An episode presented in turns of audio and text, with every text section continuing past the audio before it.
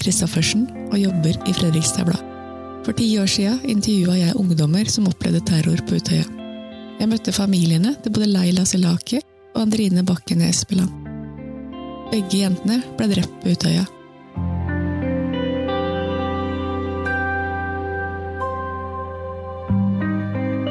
I denne episoden av podkasten Livet etter Laila møter vi daværende sogneprest i Borge kirke, Bjørn Sverre Kolshust.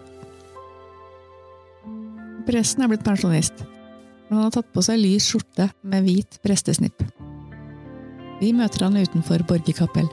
Så lenge han har minnet i behold, vil han alltid huske 8. august 2011. Den dagen var han med å gravlegge Leila på Borge gravlund. Kjære Leilas familie. Alle mennesker med hjertelag har grått over det vonde som har skjedd, og som har rammet Leila og dere.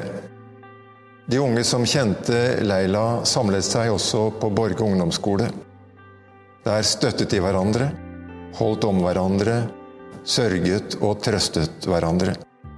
Også der har de lagt sine roser, sine hilsener og tent sine lys. De unges ekte og gode reaksjoner gir oss håp for framtiden.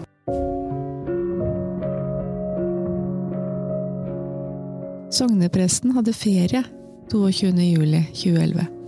Han var hjemme da nyhetsmeldingene om bomben i regjeringskvartalet kom. Han skrudde på TV. Der ble han sittende. Tidlig neste dag ble han kalt tilbake på jobb. Han måtte steppe inn som fungerende domprost. Eh, det betydde for det første at jeg måtte organisere en del ting sammen med kriseledelse i Fredrikstad Sarpsborg. eh, Sånn at vi ikke fikk alle gravferdene samtidig, men kunne få spredt dem så godt som mulig. Og ellers så måtte jeg jo også da prøve sånn på lokalt hold å administrere det som var nødt til å bli administrert. Nå viser han oss rundt i kapellet. Han husker godt dagene før Leilas minnestund. Men først og fremst, og det var jo det sterkeste, det var jo at det var ei da fra Fredrikstad som var drept. Som opprinnelig, så vidt jeg skjønte, hadde bodd i, i Borge. Og derfor ble også minnestunden for henne her i dette rommet i Borge kapell. Domprosten ringte familien. De ønsket besøk av han. Besøkene hjemme hos familien Selaki gjorde sterkt inntrykk. For det første så er jo sterkt i seg selv at en ung jente på 17 år rett og slett blir tatt av dage på en sånn grusom måte.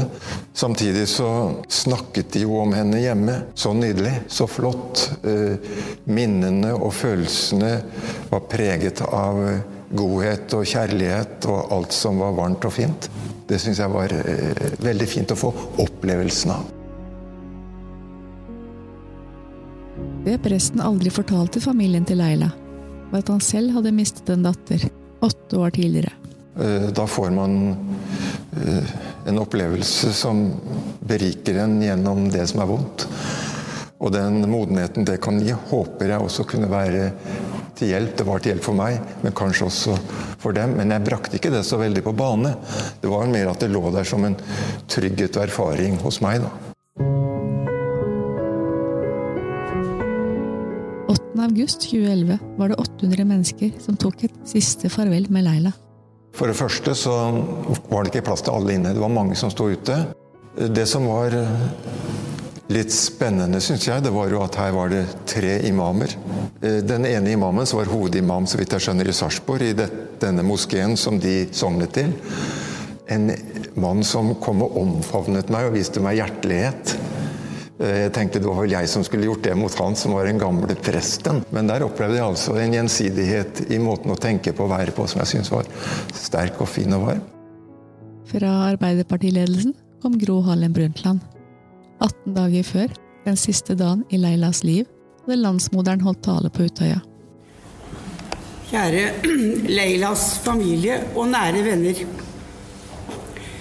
Kjære alle sammen. I dag er vi sammen i sorg. Leila er borte, bare 17 år gammel. Eh, Hun fikk sitt liv så brått revet bort, så brutalt den vonde fredagen 22. juli. Og den dagen vil for alltid bli stående som en av de mørkeste dagene i Norges historie. Dagene var ikke gamle før vi opplevde det vi kan kalle kjærligheten. Rosene, eh, de vakre talene til statsminister Stoltenberg, kongen og kronprinsen osv.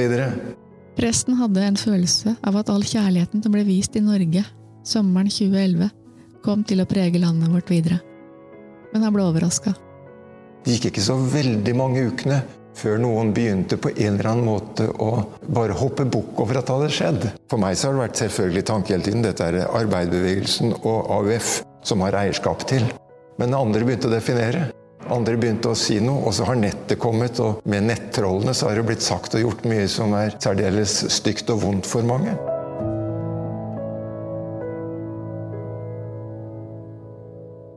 Den pensjonerte pressen tar oss med ned på gravstedet til Leila. Hun ligger rett ved Haldenveien, og på den svarte gravsteinen er det et stort bilde av henne. I hendene har hun røde roser, roser fra valgkampen. Jeg tror ting går seg til. Jeg håper det norske samfunnet mer og mer integrerer, og at innvandrere blir integrert. Og det burde få oss til å skjønne og forstå at vi skal være et fargerikt fellesskap og at vi forhåpentligvis framover vil kunne få det bedre. Jeg håper bare at dette går bedre og bedre. Jeg er litt spent.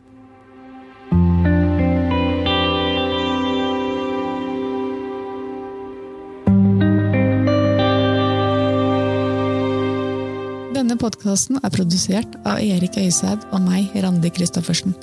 Musikk er fra Epidemic Sound.